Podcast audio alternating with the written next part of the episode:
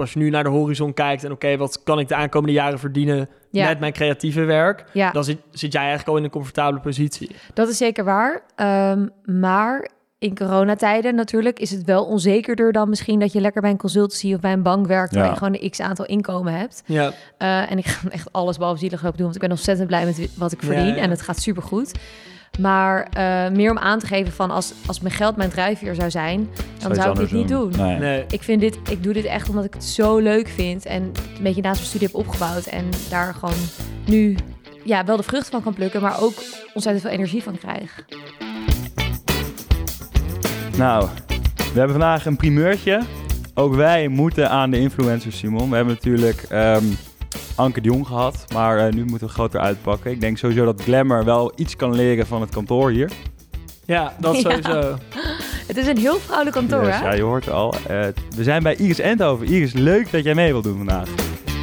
Ik vind het ook superleuk. En vooral omdat we het veel over studie gaan hebben. En ik denk dat ik daar ook nog, ja, nog niet heel veel over heb verteld. Eh, dus ik vind het mega leuk. Leuk Nou, dat jullie er zijn. Mooi om daarmee te beginnen, want ehm, jij ging op je achttiende van eh Bussum naar Amsterdam. Ja, klopt. Wat was het plan? Nou, het plan was echt... Ik had sowieso heel veel zin om naar Amsterdam te gaan. Ja. Eh, ik weet niet, ik, ik danste sowieso... eh, mijn hele middelbare schooltijd heb ik altijd in Amsterdam gedanst. Op de dansacademie hier. En eh, dat waren, in de weekenden ging ik dan naar Amsterdam toe. Dus ik voelde heel veel voor deze stad. En ik vond Bussum altijd wel leuk, maar ik vond het ook altijd wel een beetje kak, weet je wel. Dus ik, ik voelde me, me creatief gezien, vond ik het heel vet om in Amsterdam te zijn. Allemaal leuke mensen ja. ontmoeten. Ja, nee, precies. En, en, eh, Guido heeft ook een tijdje gedanst op Nou, school. Lu- Lucia Martens, dat- dit is toch? Ja, herkenbaar, ja. ja, ja. nou, dat wil ik zo wel even zien. En eh, toen ging ik naar Amsterdam en toen had ik daar echt ontzettend veel zin in. Omdat ik echt dacht, ja, nu gaat de, de wereld ligt echt aan mijn voeten. Ik ga studeren, ik wil elke avond uit kunnen en niemand die daar iets over zegt. Ik wil eh, leuke mensen ontmoeten. Eh, ja, dus de stad Amsterdam was best, die keuze was snel gemaakt. Zat je strak aan de ketting bij je ouders dan? Nou, niet zozeer, maar ik, nee, zij waren best wel, lieten me wel vrij. Maar ik denk meer dat het te maken had met gewoon, weet niet, je zit op een middelbare school. Je leeft gewoon de hele tijd een soort van een standaard leven. En ik had wel heel veel zin om even gewoon, ja, zelf op avontuur te gaan. En je had niet zoiets van wat je zegt, oké, ik ging in de weekenden al wel vaak naar Amsterdam, dus je had de stad ook al wel een beetje gezien. Ja. Misschien het nachtleven ook al wel een klein beetje Ja, geproefd. stiekem soms na bij de Ja. les op vrijdagavond. Maar had je dan niet zoiets van, oké, ik heb dit al een beetje gezien, ik wil iets heel anders? Want ik heb dat vanuit Utrecht bijvoorbeeld wel best wel. Ik denk van ja, ik heb die tenten al gezien, ik wilde naar Rotterdam. Ja, nou ja, ik denk misschien... Kijk, mijn broer studeerde in Groningen. En die eh, is echt zo'n doorgewinterde Groningse student, weet je wel. Ja, ja, we, we kennen het stereotype. Ja, precies, het stereotype. En eh, hij wilde natuurlijk altijd mij naar Groningen trekken. Dus hij nam me mee naar al die feesten en zo. Maar ik merkte toch dat dat voor mij te gefocust zou zijn op alleen het studentenleven. En ik vond het in Amsterdam wel heel mooi dat je... Je hebt en het hele studentenleven. Je kan lekker veel uit. eh, maar je hebt ook een beetje, als je misschien de creatieve kant op wil... of de mediakant, ehm, heb je hier heel veel mogelijkheden. Weet je, ik heb veel stages gelopen, veel dingen ernaast gedaan. Eh, bijbaantjes. Want dat wist je dus al wel, zeg maar. Op de middelbare wist je al wel van, oké, ik wil die kant op. Nee, ik wist het niet specifiek, maar ik denk dat het onderbewust wel een beetje in me zat. Dat ik, dat ik, ik vond het leuk bijvoorbeeld. Ik heb een tijd ook voor een tijdschrift geschreven en ik deed nog niks met media. Voor wat voor tijdschrift heb je dan? Ja, dat heette toen Spunk. Spunk. Kennen jullie dat nog? Nee, Kom me wel bekend voor, Ja? maar misschien was het... maar Ja. vertel eens. het is. Het was een online soort van jongere tijdschrift, redelijk soort van. Ja, het zat wel een beetje op de Met randje. pijltjes in het logootje of zo? Ja, ja, ja, ja, ja. ja, ja. Met Echt de K wel- en de P, hè? Klopt. Ja. En best wel veel mensen hebben ervoor geschreven. Onder andere bijvoorbeeld Tim Hofman en eh, even denken wie nog meer. Nou, nog echt wel echt goede, ja, leuke namen. En ehm, daar kwam ik terecht. Ik weet niet eens meer hoe. Maar dat was een soort van, voor mij waren die eh, redactievergaderingen. En dan zat je daar en dan ging je over onderwerpen nadenken. En dan mocht je daarover gaan schrijven. En dan kreeg je volgens mij echt 25 euro per artikel, weet je. Over terwijl je er dan echt acht uur mee Maar bezig wel was. leuk. Maar in welke periode was dit? Superleuk. Dit was toen ik net een beetje naar Amsterdam kwam. Oh, oké. Ja, dus zodoende was ik nog niet bezig van ik wil in de media werken, maar ergens soort van trok Maar je het me werkte wel. al wel in de media. Ja, ik werkte toen al wel best wel in de waar, waar, media. waar ja. schreef jij dan stukken over? Kun je dat nog herinneren? Wat was het? Ik, Ik weet een heel gênant stuk eigenlijk. Ik bedoel. ja, ik dacht dat het was. Het waren altijd een beetje van die grappige dingen, maar ook wel een beetje op het randje of zo.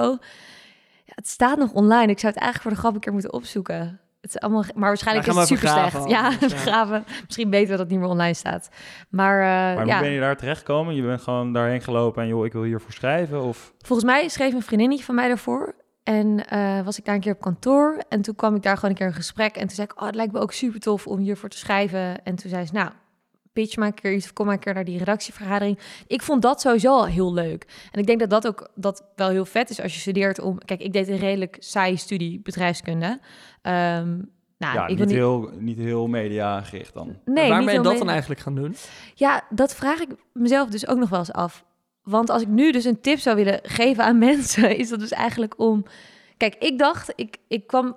Vroeger wilde ik danseres worden, toen besloot ik van... nee, dat ga ik niet worden, ik ga studeren. Ik heb VWO gedaan, ik ga gewoon naar de universiteit. Ik laat het dansen links liggen, dus ik ga iets super breeds doen. Dus ik ga voor bedrijfskunde. Dan kan ik alle kanten op. Misschien ondernemen, misschien marketing. Alle kanten kan je op. Maar je kan eigenlijk met elke studie alle kanten op. Dus ik vind dat een beetje zonde. Als in van, je moet het gewoon het papiertje halen en dan... eh, Nou, nou, meer van als je dan toch gaat studeren, kies dan misschien juist een specialiteit of iets wat je gewoon super leuk vindt. Want er is veel, flexibiliteit erna eigenlijk. Ja, Eh, volgens mij kan je alle kanten. op. Bijvoorbeeld, ik vond op de middelbare school wiskunde super leuk. Eigenlijk had ik gewoon wiskunde moeten gaan studeren, want het had niet uitgemaakt of ik bedrijfskunde of wiskunde was gaan doen. En ik vond bedrijfskunde soms best wel een beetje juist te eh, op de vlakte zitten. Natuurlijk, als je eenmaal Ja. master gaat doen, ga je iets meer de inhoud in. Maar ja, ik ken het inderdaad, ja. Ja. Een beetje manager. En het voelde een beetje dan alsof je gewoon je, inderdaad je papiertje aan het halen was. Terwijl dat heel zonde is. En ik denk nu al helemaal, nu het hele uitgaansleven stil ligt en studenten meer moeten focussen op wat is nou echt, ja, wa- waar hou ik echt energie uit, is het veel leuker om misschien een iets andere studie te kiezen en daar. eh, Maar jij had niet na je eerste of tweede jaar al zoiets van... dit is toch niet helemaal het voor mij... toen je in die collegebanken zat... en over managementstructuren en organisatiestructuren moest... eh, Ik denk dat ik dat wel had. Alleen ik denk, ik ben ook heel erg iemand, als ik eenmaal A zeg, dan, dan, ja, dan zeg ik ook B. Dus ik had heel erg een beetje een soort van, ik ga het afmaken. En op zich is een bachelor maar drie jaar. Dus toen ik er een beetje dacht, ja, is dit het wel? Zat ik op anderhalf jaar. En ik wil trouwens ook niet tekort doen hoor, want ik vond het echt wel een leuke studie. Maar hoe vet is het als je straks in de collegebanken zit en, ik zeg maar, je hebt, stel je studeert geschiedenis of zo. Hoe vet. Koos, onze producer, die Ja. heeft bijvoorbeeld geschiedenis gestudeerd. Nice, ja, dat lijkt me echt leuk. Want dan kan ik me voorstellen dat je daar zit eh, en dat je gewoon echt leuke verhalen krijgt en jezelf iets meer ontwikkelt dan Met puur, plezier naartoe gaat. ja, misschien gewoon. dan puur soort van eh, de, de structuur. Eigenlijk was ik soms gewoon aan het leren hoe je tentamen kon halen. En dat Ja. is vet zonde, vind ik eigenlijk. Ja, dat, is, dat is wel herkenbaar. Dat is wel ja. mooi, eh, mooi geformuleerd. Ja, toch? Drie, drie oefententamens maken en dan zien we Ja, het wel. en iemand wist wel van het vorig jaar hoe je het een beetje moest leren. En eigenlijk ontwikkel je daardoor helemaal niet. En dit is super eh, volwassen dat ik dit zeg. Want toen tijd vond ik het heerlijk dat ik met één dag studeren mijn tentamen kon halen. En dat ik er dan vervolgens naar de kleine cooldown kon. Maar nu, achteraf gezien, om dus denk weer ik... te dansen. Ja, ja, om lekker te Ja, want dansen. ik wil nog even terugschakelen naar dat dansen eigenlijk. Ja. Want wanneer, wat was het omslagpunt? Wanneer heb jij dat opgegeven? Je zei je wilde eerst eh, danseres worden. Ja, nou, het was gewoon eh, mijn hele middel- middelbare schooltijd deed ik dat eigenlijk. En eh, toen deed ik eindexamen en toen was gewoon een keuze, ga je dan hbo Lucharmartas doen of ga je studeren? En dan moet je gewoon even kijken wat haalbaar is. En wat ik heel jammer vind voor heel veel dansers, zijn er, is er niet heel veel mogelijkheden in Nederland of in Amerika. Het is gewoon best wel kleine markt. En eh, toen dacht ik, ik ga dat niet doen. Ik ga gewoon studeren. En daar ben ik wel heel blij mee, dat ik, Ja. dat ik die maar keuze ik- heb gemaakt. heb je daarnaast nog gedanst? Of was dat Nee, meer, werd het toen toevallig hobby? gisteren. Gewoon? Oh, ja, hobby, ja. Ja. Ik heb echt jaren niet gedanst. Ik kan het ook niet meer zoals ik dat toen kon. Toen was het was echt ballet en, en allemaal soort van dansen technisch, wat, echt, wat ik echt goed kon toen. Ja. En nu kan ik dat helemaal niet meer. Maar nu heb ik toevallig gisteren eh, weer gedanst. Dat was echt leuk. Dan merk je wel Dat dat... vind je nu nog steeds gewoon echt ja, leuk ja, maar nu is het voor de fun. Nu is het Ja. niet serieus. Toen wilde ik echt danseres worden. Is dat het dan ook relaxter om te doen? Zat het toen druk Ehm, op, zeg maar? Ja, maar het is nu soms ook iets frustrerender. Ik bedoel, ik kon toen gewoon een spagaat in mijn benen leggen en alles. En nu kan ik Dat of... ken jij ook toch, Giet? ja. Vanzelfsprekend. Doe eens. Guido doet, legt nu zijn benen in zijn Ja, nek. jullie- kunnen dit thuis niet, helaas, helaas. niet zien. Ik ga nu in Maar... deze teddybeer klimmen. Maar hij Ja. ligt ja. in spagaat. Ja, er ligt hier een enorme teddybeer trouwens. Wat staat er eigenlijk op? Ja, de Teddy staat erop. Volgens mij kan je je naam erop laten zetten. Leuk. Misschien maar even doen dan straks. Ja, Ja. Maar goed, je, je schreef toen inderdaad voor eh, Spunk. Ja. Ehm, is dat dan de eerste stap geweest richting die tv- en mediawereld? ja, zeker. Want daar kwam ik er eigenlijk achter dat ik dacht... eh, hoe vet is het dat je dus... Je loopt op straat en je bedenkt iets... en mijn hersenen gaan nog wel eens alle kanten op. En dan denk je, oké, dan ga ik daar gewoon een artikel over schrijven. En dat eh, dat, dat ja, gepubliceerd wordt, eh, dat erop wordt gereageerd. Ik vond dat gegeven gewoon heel vet. En ik vond gewoon de mensen in de media heel leuk. Want het zijn allemaal hele positieve, creatieve mensen. Ik weet niet hoe jullie dat ervaren natuurlijk. Dat vind ik maar- wel echt grappig, want je hoort juist best wel vaak een beetje... het is een beetje een slangenkuil of mensen zijn toch best wel nep. Maar jij had dat ja. totaal niet. Ik heb dat echt totaal niet, Nee? nee? Tenminste, zo zie ik het niet. Zo sta ik er ook niet in. Dus misschien dat dat scheelt. En wat was toen de volgende stap dan naast Punk? Want jij, je vond het leuk, maar je bent daarna niet meteen in één keer... Ja. eh, Ik nam even een slok thee van Ja, dat ding ja, dat af. Anders krijg je een ASMR, ASMR-video. Weet jullie wat het is? ja, ASMR. Ja. Guido, ik vind dat jij er wel een goede Ja. stem voor hebt. Ja, we kunnen wel wat uh, slok. Ik, ik ga daar heel slecht op trouwens. Ik ga er ook niet lekker op. Nee, nee hè? Ik kan, ook niet tegen, ik kan ook niet tegen smakgeluiden. Dus dan heb je dus mensen die nemen video op... en dan gaan ze bijvoorbeeld een Big Mac lopen eten of iets. En dan gaan Is ze dat, dat ook ASMR? Wordt dat ja. ook... Oh, godverdomme. Ja, en van die chiropractor films, hè. Die ook helemaal gekraakt Ja. worden. Oh. Ja, dat vinden mensen ook fijn om naar te kijken. Ja, maar mensen vinden het ook fijn om naar uitknijpbuizen video's Ja, te kijken. En die mensen snap ik ook niet. Ja, dat is de andere kant van de media weer. Ja. Ja. Maar goed, wat was je vraag? dat was mijn vraag. Volgende stap, na Spunk. Oh ja, volgens op St- eh, Spunk moest stoppen. Want die financierder was er uitgetrokken. Ehm, Dus die 25 euro per artikel ja, werd te want het was namelijk echt heel duur. belangrijke financiële drijfveer Ja. voor al die studenten. Volgens mij waren degenen die... die Ja, toen had je nog een basisbeurs, dus die had het allemaal niet, nog niet nodig. Ja, eh. wij, hadden nog, wij mochten nog... eh wij kregen, wat was het, 400... Hoe oud zijn jullie? Nou, ik heb hem dus ook nog te pakken eh, ja, gehad. Guido is nog van de oude garde. Ja. Ik moet gewoon eh, dik in de schulden. Oh. Ja. Hoe oud ben jij?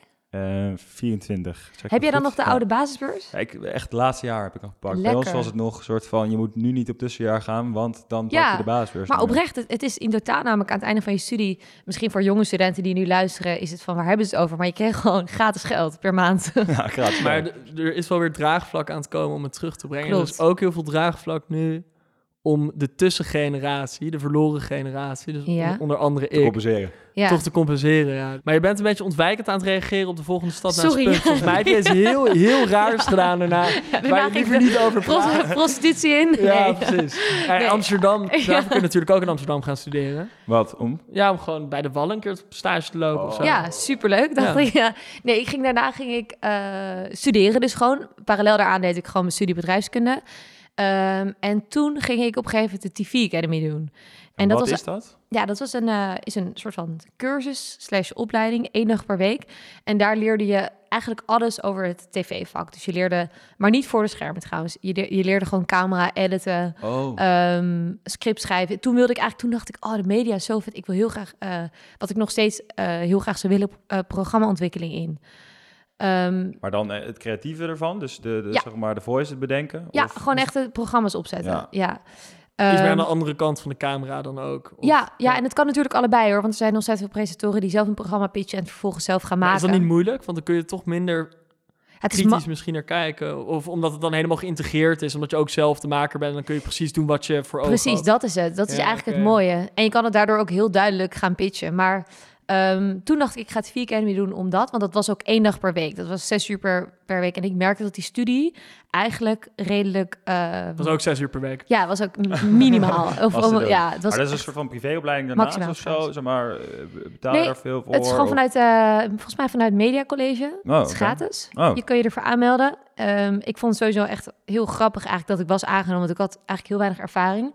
Dus er zaten allemaal verschillende mensen. Je zat in een klas met ongeveer 20 mensen. En drie deden bijvoorbeeld, waren gespecialiseerd in camera. eh, een paar in, in redactie, een paar in eh, productie. En je leerde eigenlijk, zat je in een aantal blokken. Dus dan leerde je drie weken iets over productie. Een paar weken iets over script schrijven, over eh, editen. Ik heb daar bijvoorbeeld leren editen. Wat nu mega goed van pas komt. Nou, wij hebben daar Koos voor. Ja. Koos. Ja, daar moet je geschiedenis gaan studeren. Dan Ja. leer je ook editen. Ja, ja. Maar je moet er dus wel gewoon echt voor solliciteren. Het is niet van, eh, kom maar als je even wil kijken. Ehm, nee, je moet echt solliciteren. Maar toen ik er dus aan meedeed, was het nog iets kleiner dan het nu is. Want het is nu inmiddels overgenomen door de Talpa. En die selectieprocedures zijn ook redelijk eh, groot. Dus als ik met de ervaring die ik toen had, nu zou solliciteren, werd ik niet aangenomen. Alleen ik zat toen net nog een beetje, het was net twee of drie jaar begonnen. Dus ik zat nog een beetje in die, oh we vinden je wel tof, kom jij er ook maar bij. Maar we weten niet echt wat jij doet. Ja. Waar je terecht komt ook, zeg maar. Dat blij, is dan eigenlijk ook open. Je- Het is niet Ja. van, ah, ik ben Iris en ik wil graag presenteren. Nee, maar dat wilde ik toen ook nog niet. Oké. En hielpen ze je ook meteen met practicen? Of dat ze zeiden van, oké, misschien kun je hier terecht of daar terecht? Of was Ja. het echt puur gewoon voorbereiding? voorbereiding, maar ze hielp je bijvoorbeeld ook van... eh, op een gegeven moment moest ik voor mijn studie dan stage lopen... en dan konden zij je helpen met stages uitzoeken in de media... omdat zij weer heel veel contacten daar hadden. Dus ik vond dat ja, gewoon een hele leuke club mensen. En eh, het was ook redelijk belangeloos wat dat betreft. Ja, nu zitten we bij Talba, dus er zal wellicht iets meer doorstroom zijn... naar de programma's daar. Maar het was eigenlijk een soort van kleine academy-achtig... waar ze gewoon belangeloos eh, mensen in het mediavak willen helpen. En waar je ook weer mensen ontmoeten. Want ik zat dan wel in een, in een klas en toen ik Excite ging doen en daar een aanmeldingsvideo voor moest maken, kon ik weer iemand vragen daarvan, yo, vind je het goed om dit te filmen? En die zei, ja, tuurlijk, weet je ook, help je. En nu ook, ik kom iedereen van die klas nog gewoon tegen in de media en dat is vet Ja. leuk. Maar dus nu, dus dat is een beetje net zoals die BNN uh, Vara Academy geworden, zeg maar. Zo is eigenlijk is het hetzelfde eigenlijk. Ja, alleen BNN Vara zit natuurlijk gekoppeld dan aan BNN. Ja. En nu, dit is nu vet commercieel. ja, ja, precies. Je moet gewoon alleen maar campagnes doen. Alright, en wanneer uh, ben je dan wel die passie voor presenteren uh, en voor de camera verschijnen? Ja, nou ja, dat kwam toen een tijd. In de TV Academy had je dan ook één blok presenteren. Ja. En dan ging je gewoon veel... Het, ontstond meer eigenlijk dat... Wij moesten gewoon filmpjes gaan maken. Dus dan ging je gewoon met zo'n camera... Had je elke week een opdracht. En dan ging je gewoon... Oh ja, ik doe wel even voor de camera. Of jij doet voor de camera. Dat maakte niet zoveel uit. En toen dacht ik... Oh ja, ik vind het wel heel leuk. Uh, en toen stopte het V Academy en dan had ik weer zo'n stop eigenlijk, wat ik ook eerst met Spunk had van ja, wat ga ik nu doen? Want ik doe ook nog mijn studie gewoon. Dit was altijd een beetje uit de hand gelopen hobby, wat ik gewoon super leuk vond. Maar het is niet dat je daar ergens een keer afstudeert of zo. Het is gewoon, je, je blijft hangen. Nou, je doet het wel echt een jaar. Oké. En dan op een gegeven moment heb je wel een soort van afstudeer, maar je kan als je wil, zou je altijd aan hun kunnen vragen, kan ik ergens stage lopen of kan ik nog een keer meelopen of dat soort dingen. Um, maar toen, toen, oh ja, toen kwam Excite. En daar is eigenlijk pas echt het presteren voor mij begonnen. Maar en kwam Excite naar jou? Of nee, nee, nee, nee, nee, Ik ben naar Excite gegaan, want zij hadden een soort van open contest. En dan kon je je filmpje insturen. En dan, uh, ik dacht toen, oh, dit is zo vet. Want de prijs was dat je naar alle festivals ging. En daar alle interviews ging doen en allemaal ging presenteren. Uh, en een jaar lang gratis H&M-kleding. Dus, nou ja, En deed jij het voor de H&M-kleding of voor het presenteren? Nou ja, in eerste instantie, ik dacht gewoon wat een vette prijs. Ik was nog niet bezig met dat hele lange lange perspectief van nee. presteren wil ik doen. Ik dacht gewoon best wel een soort van korte termijn gedachte, student. Ik had niet zoveel geld om kleren aan voor te kopen. Ik dacht, hoe leuk. En dan ga ik naar al die festivals. En ik hield sowieso best wel van feestjes en festivals. Dus um, ik dacht, nou, die combinatie, als je dat wint, dat is echt super vet. Dus toen kon ik van de TV Academy iemand vragen, joh, wil je me even helpen met zo'n filmpje? Um, en die, hij hielp mij, editje gemaakt, opgestuurd. En toen had je al die selectierondes. Het was niet in één keer van, joh, je hebt gewonnen. Nee, nee, nee. Je moest echt, uh, eerst moest je een soort van stemmen verzamelen. En toen had je allemaal rondes. En dan ging je weer met, vanuit Excite naar festival, weer in teams en zo. En toen dacht ik, wow, dit is echt mega, mega leuk. En in dat proces heb je, neem ik aan, ook nog andere deelnemers leren kennen dan ja. tegen wie. En er was maar één winnaar, toch? Um, vier. Vier, oké. Ja. Dus uiteindelijk... Maar vier mensen wonnen de prijs. Ja. En uiteindelijk... Um, toen, oh ja, toen begon Excite net met YouTube. Die deden ook nog niet zoveel met YouTube. Dus wij vonden met z'n vieren de prijzen, de H&M en alle festivals. Die hebben we allemaal met z'n vieren gedaan. En toen zei Excite van, we willen eigenlijk meer gaan focussen op YouTube met interviews en zo. We denken dat jij dan degene bent die dat kan gaan doen. Dus dat stond eigenlijk los van die prijs. Dat stond gewoon meer van, het is september, we hebben de hele zomer gehad. Uh, wat doe jij nog? Wil je doorpakken? Ja. En toen was het voor mij gewoon één dag per week gewoon top. Gewoon leuke interviews doen. Ik ging naar allemaal hele rare feesten, leuke festivals. ik artiesten interview. Ik vind interview het allerleukste wat er bestaat. Uh, dus daar ging toen een soort van uh, bijbaan eigenlijk. En was, uh, ik zei het zeg maar, het eerste waar jij dus, nou ja, het is dus niet echt, het was meer een prijsvraag dan een sollicitatie. Was het eerste dat je, zeg maar, je aanmeldde van, joh, ik wil verder in dat presenteervak? Ja, wel, ja, zeker. En ook de eerste waar, het, waar het opeens best wel snel ging voor mijn gevoel. Want ik mocht toen voor Excite echt veel doen. Ja. Excite wordt gepresenteerd en uh, op een gegeven moment hadden we ook een format. Dan gingen we gewoon op straat van die straatvragen doen.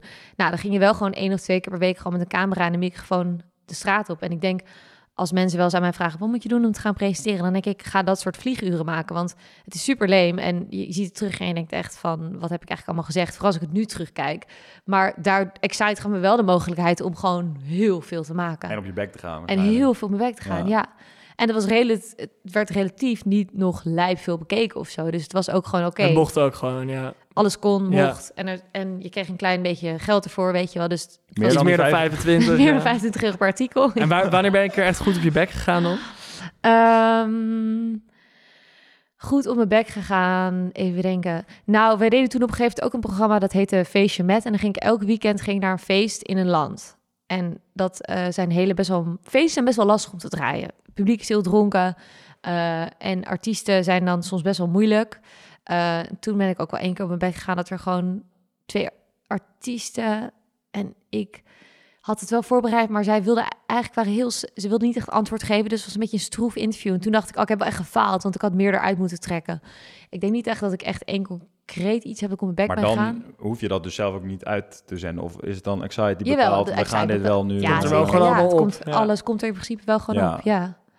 Ja, maar ik heb niet één concreet voorbeeld dat ik echt op mijn bek. Maar ik heb wel daar veel geleerd van: oké, kut. Als je dus een interview hebt en het gaat stroef, hoe ga ik zorgen dat de volgende keer als ik gasten heb die artiesten die niet per se geïnterviewd willen worden, hoe ga ik zorgen dat het leuk wordt? Ga ik En dit was nog steeds tijdens je bachelor? Ja, Ook, ja, ja, zeker, ja.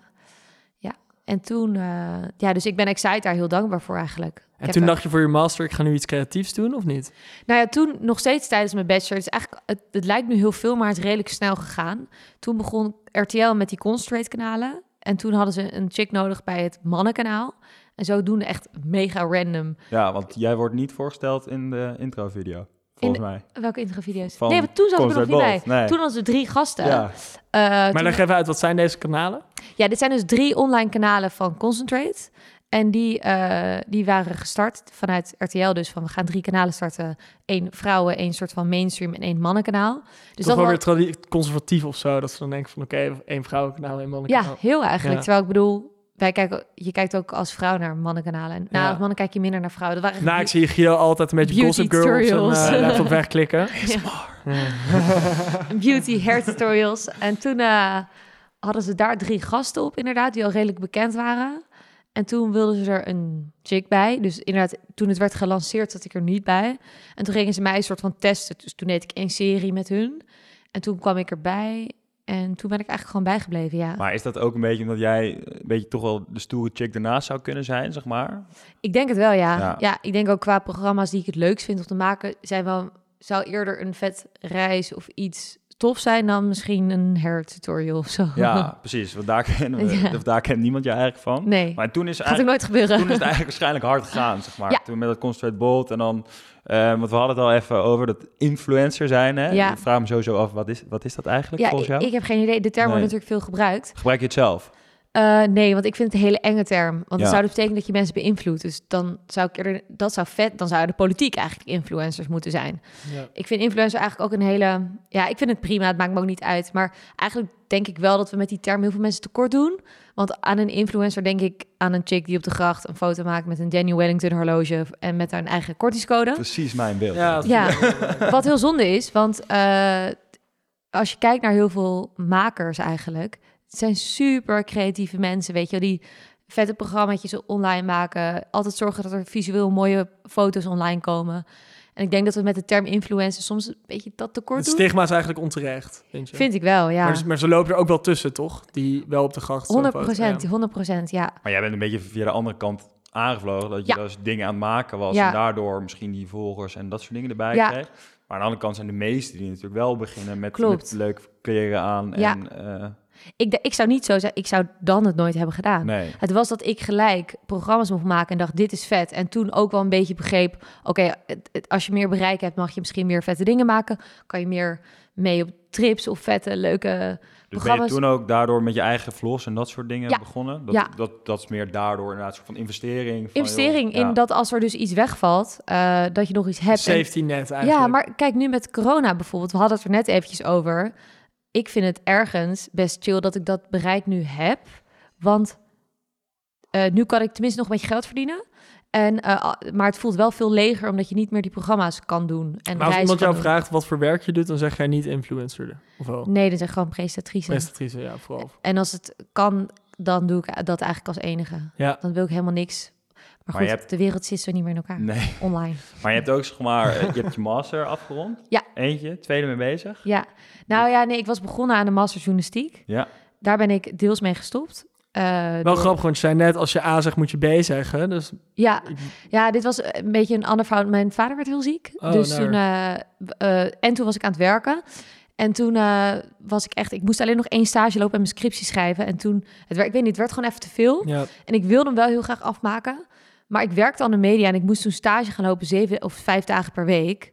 En toen dacht ik, ja, ik zie dat gewoon niet gebeuren.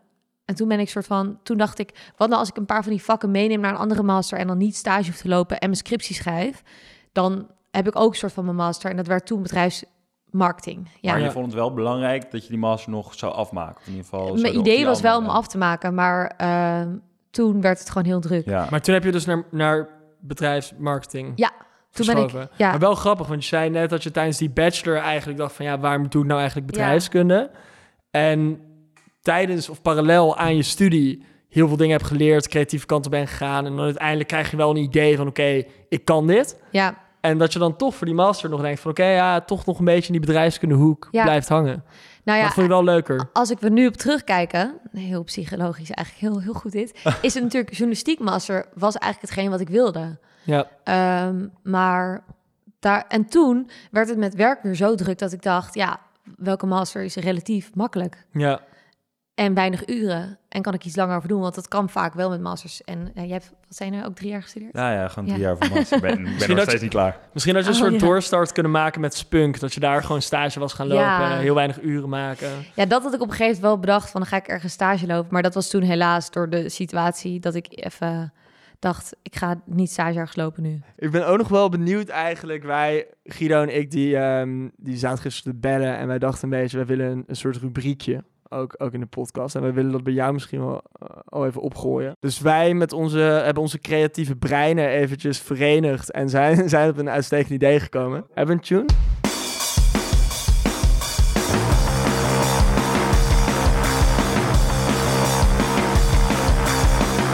De kutste keuze. De kutste keuze. De kutste keuze. De rubriek is eigenlijk kutste keuze. Wat was uiteindelijk een keuze als jij even terugkijkt de afgelopen jaren... waar je echt van dacht, dit was echt fucking moeilijk. En hoe heeft dat uiteindelijk uitgepakt? Nou, die, de, de, keuze, de kutste keuze is wel om niet door te gaan met journalistiek. Want als ik die master, ik was echt dichtbij. Ja. Ik hoefde echt mijn Ja. scriptie nog en één stage. Nou ja, wat is een stage? Even vier maanden knallen. En eh, als ik nu terugdenk, begrijp ik echt niet waarom ik dat niet heb afgemaakt. En toen maar dacht, ook oh, ik ga makkelijk eh, marketing. Maar ja, als je eh, persoonlijke dingen hebt lopen, begrijp ik ergens Klopt, wel heel tuurlijk. Maar ik had achteraf gezien dat nog kunnen oppakken. Maar Ja. was het dan makkelijker om een soort van die andere master dan helemaal opnieuw te starten? En dat, Ja, dat, dat, dacht ik toen. Ja. Maar Want de had jij journalistiek master was wel pittig. Je had toch ook gewoon hier bij eh, Content Icons Ja, dat eh, bestond nog niet eens. Oh, dus Dit dat bestaat pas nog een jaar, hè? Ja, precies. Ze gaan echt lui. Zo oud gaan zijn Ja. we al. Maar je zegt altijd heel graag af willen maken. Denk je dat je er heel veel aan had gehad? Of denk je vooral van, oh, ik had het voor mijn gevoel gewoon graag af willen hakken... en dat, dat diplomaatje willen krijgen? Nou, ik was ook sneller klaar geweest, achteraf gezien. Want toen ben ik begonnen aan, bedrijf, eh, aan daar. En toen ben ik daar begonnen van, ook doe dat wel even. Ja, Maar toen kwamen ook weer bepaalde tentamens niet uit met werk. Dus toen was ik uiteindelijk ook nog 2,5 jaar ongeveer mee bezig. Eh, terwijl als ik even dat halfjaartje had doorgeknald bij journalistiek... al zou het dan een halfjaartje na de situatie zijn... en dan door zijn geknald... Ja. was ik gewoon veel eerder maar je spijt is niet per se inhoudelijk. Dat je denkt, oké, ik had bij zo'n journalistieke stage... nog echt beter kunnen leren schrijven... of beter kunnen leren onderzoeken... en daar zou ik nu heel veel aan hebben gehad. Of dat wel Ehm, ook. Nou, ook wel een deels van. Dan heb je gewoon als presentatrice ook een journalistiek master gedaan, afgerond. Ik denk dat dat sowieso wel vet is. En als ik er nu even terugdenk, had ik sowieso wel meer willen, iets meer eager willen zijn om een studie. Ik weet niet of jullie dat ook Qua herkennen. resultaten halen. Nee, qua het echt voor, jezelf, voor jezelf doen. Oh ja. En niet Ook qua voor- keuze, dus gewoon qua vak Ja, wat je leert. Als je het gewoon leuk vindt. En In plaats van niet de tentamens halen wat je zegt, dat je gewoon Ja. dingen leert. Zeg Ja. maar, voor jezelf. hebben jullie dat nooit gehad? Ehm, nou ja, ik dacht eigenlijk altijd van ik leer er buiten wel. Ja, Dat meer. Van, ja, beetje, een, een- ik, maar niet dat ik jou daar zeg, een beetje arrogante houding, maar dat had ik zelf ook van, oh ja, dit boeit niet, ik moet dit halen, ik leer, het komt wel goed. Maar ja, Je hebt zo'n arrogante lul. Ja, Nee, nee, dat klopt nee, maar ook. Maar dat mezelf. klopt ook. nee, nee, van mezelf vond ik dat ook een redelijk arrogante houding van, Ja, ik zit ik weer leer het colle- niet van die professors. Zeg ja, maar, laat maar. Ik weet terwijl het die zelf mensen wel. hebben zoveel mooie verhalen en Ja, ons veel te leren. Dat is af en toe wel zonde, ja. Ik voel me echt oud als ik het zeg, maar ik had echt graag, als, ik, als we het nu over studententijd hebben, daar meer nog bewuster uit willen halen. Ja. En als we naar de ik. toekomst kijken, want ehm, natuurlijk met al die presentatiedingen maar op YouTube heb je hele vette dingen gedaan. Hè. Volgens Ja. mij ook gewoon wintersport, eh, bot van schansen afspringen en Ja. daar ook weer een op een skibar staan. Ja. Ehm, je bent nu ook bezig met je eigen podcast. Ja, Ehm, ga je wat meer de diepte in. Ehm, is dat sowieso iets wat je dan later veel wil doen? ja, zeker. Ik denk wel dat het uiteindelijk ook iets is waar ik heen wil eh, gaan. Ik denk Echt interviewen? Of, Ja, dat ook. Ik heb eh anderhalf jaar terug ook een documentaire gemaakt die heel goed is ontvangen. Generatie Botox hebben jullie waarschijnlijk niet gezien. Het gaat Het is wel een over beetje in Guido Straatje. klinkt wel Ja, weer... in- ja. generatie. Botox. Ja, het was wel vet hoor. Het ging over eh, jonge meiden die eh, nou ja, heel veel jonge meiden die snel al naar botox en fillers grijpen. Ja, en die tanden tegenwoordig. Die, Zo Dat- fucking lelijk ja. trouwens. Mag dat even gezegd worden? Die, die fillers, die dingen in hun lippen. Ja, Die ziet er echt lelijk? uit als Alfred Jodokus kwak. Ja. Serieus, ik vind het echt heel lelijk. Ja, Maar in. Engeland zie je het best wel veel. Ook, ik weet niet, misschien hebben sommige mensen het subtieler. Maar als ik het zie, Ja, dan zie ik echt zo'n duckface. ja, ziet zo'n mondje zo naar Ja. voren staan. Het ziet er echt niet uit. Ja, klopt. Vind jij het wel mooi? Nee, ik vind het ook niet mooi en ik zou het ook niet doen. Maar er zijn wel heel veel meiden, jonge meiden, Ja. die op social media zien van een perfecte plaatje en zichzelf niet perfect vinden en dan aan zichzelf willen sleutelen en denken dat dat de oplossing is. Voel jij, daar, voel jij daar eigenlijk mede verantwoordelijkheid voor? Niet dat zij dat dat perfect beeld door jou komt, maar denk jij bij het plaatsen op Instagram van ik moet ook mezelf een beetje imperfect laten zien, want anders denken mijn 150.000 volgers eh, Zeker. dat het allemaal Ja, een Ja. beetje inhoud misschien ook. Dat het niet, eh, een niet te leeg is. Of dat je gewoon leuke dingen doet en dat je dat laat zien. Ik vind ook niet overigens dat elke post heel eh, dubbele laag moet hebben. En daar word ik soms ook moe Wordt van. ook wel een beetje eh, te Ja, veel dan Van elke? Ja. meid die bij elke foto weer, weer een heel geraas over hoe blij ze... Dat iedereen blij moet zijn met dit en dat. En denk ik, ja, soms is het ook gewoon leuk om een leuke foto Zo mag te je ook gewoon een leuke foto plaatsen. Ja, Ja, toch? tuurlijk joh. Dat kan ook. Eh, maar ik denk wel dat, dat er een bepaalde verantwoordelijkheid is. Zeker, ja. Ik denk dat heel veel mensen ook zeggen, dat heb ik niet. En dat zijn de ouders. Maar ik denk, je hebt het echt. Want er is, er is niks voor niks een reden dat merken zeggen... eh, we willen dat, dat jullie dit promoten, omdat het wordt gekocht.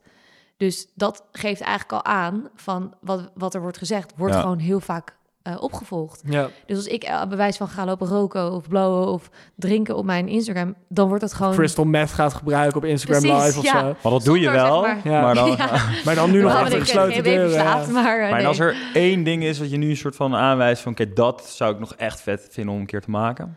Ehm, Misschien een interview met iemand. Wie zou je echt nog een keer willen interviewen? En waarvoor? Vraag. Ehm, jeetje, dat is Ja, wel wordt lastig, vraag. Nou, misschien zou ik, het, ik... Ik ben nu bezig met die podcast met mensen die echt iets heftigs hebben meegemaakt. En ik merk dat mijn eh, interesse gewoon veel hoger ligt dan misschien... eh, niet dat het bij artiesten minder is, maar op een gegeven moment zijn dat redelijk dezelfde vragen. Weet Ja. je, wel? je hebt altijd, wat is er gebeurd? Jij eh, kan dan op de automatische piloot gaan Hoe heb je staan. dat Ja. omgedraaid? Held in eigen verhaal heet het trouwens. Ja, heel een eigen verhaal. Ja, klopt. En nu heb ik echt meer personen die echt wat heftigs hebben meegemaakt en daar echt vet over kunnen vertellen.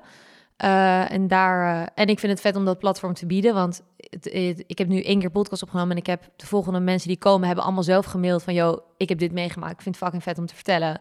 Dus zij, zij zitten daar ook met een verhaal wat ze graag voelt, een taboe willen doorbreken of iets willen bereiken. En bijvoorbeeld die eerste met eh Veronique met alopecia Ja. sorry, die, ehm, die heeft ook daardoor zoveel vette reacties gekregen. En allemaal meiden die haar weer hebben bericht van... yo, ik ben ook kaal, wat moet ik doen?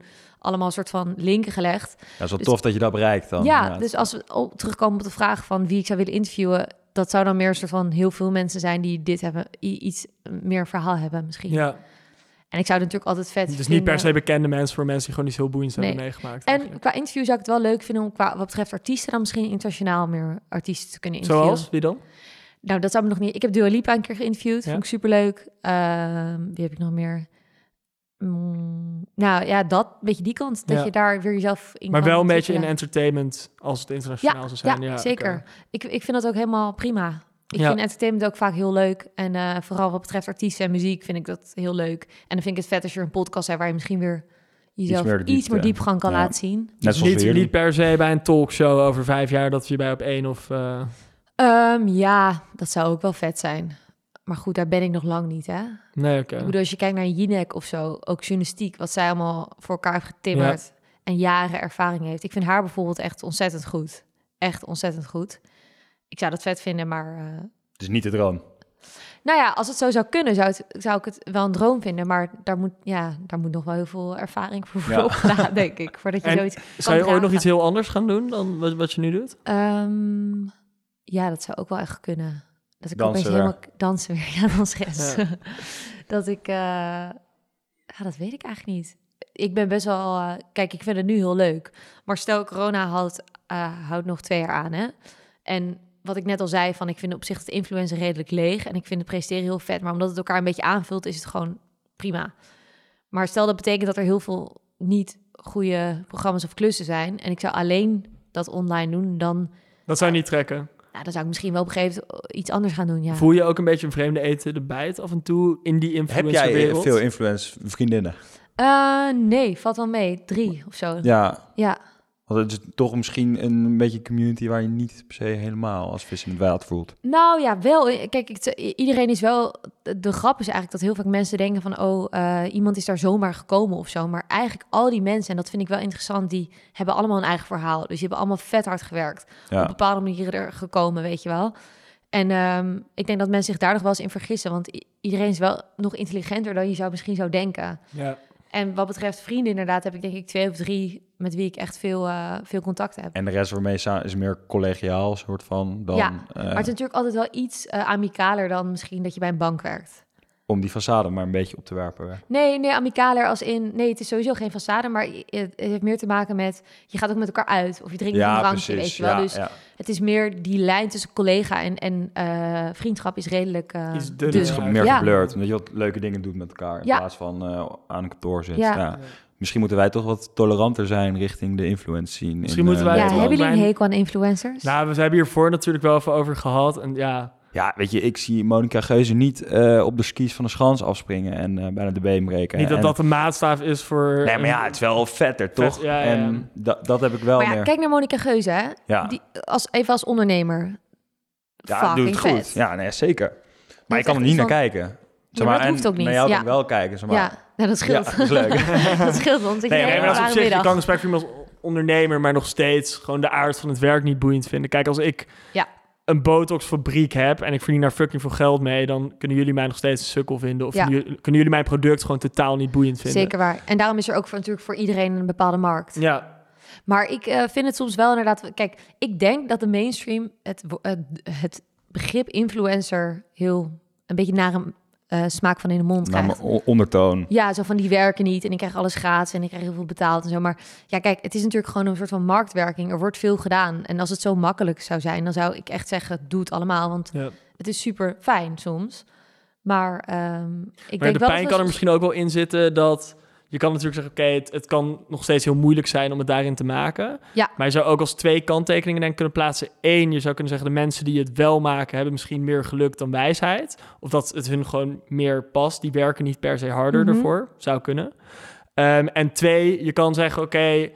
eh, misschien werken ze er zelfs wel hard voor... en ehm, is het toch wel een soort van vet beroep... maar heeft het gewoon niet een goede invloed op wat andere mensen doen. Of zeg maar, Ja. hun markt is namelijk toch vooral jongere jongens, meisjes, weet ik veel wat, die kijken van oké, dit is iemand die zo vet is, zo wil ik ook zijn. Hoe kan ik mijn eigen persoonlijkheid daarop aanpassen? Ja. Even heel erg gechargeerd Ja. gezegd hoor. Maar goed, dat had je natuurlijk ook met zangeressen en met mensen vroeger, weet je. In die zin is het niet ja, anders, nee. Het is ja. eigenlijk niks nieuws.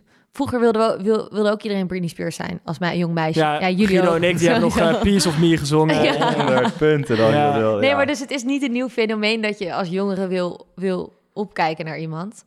Maar eh, ja, ik weet het eigenlijk ook niet. nou, Ik vind gewoon meer, maar dat heb ik misschien in algemene zin, dat, dat, het, dat ik het soms wel jammer vind dat er dat mensen die er niet erin zitten daar een soort van eh, een beetje het is heel makkelijk om naar kijken, af te geven. Om gewoon Ja. te zeggen, ja, oh ja, die influencers en zo. Precies, terwijl in principe vind ik dat je dat bij geen beroep moet doen. Want elk persoon die met passie aan iets werkt, vind ik vet. Al ben je uh, putjeschepper, al ben je CEO van een groot bedrijf.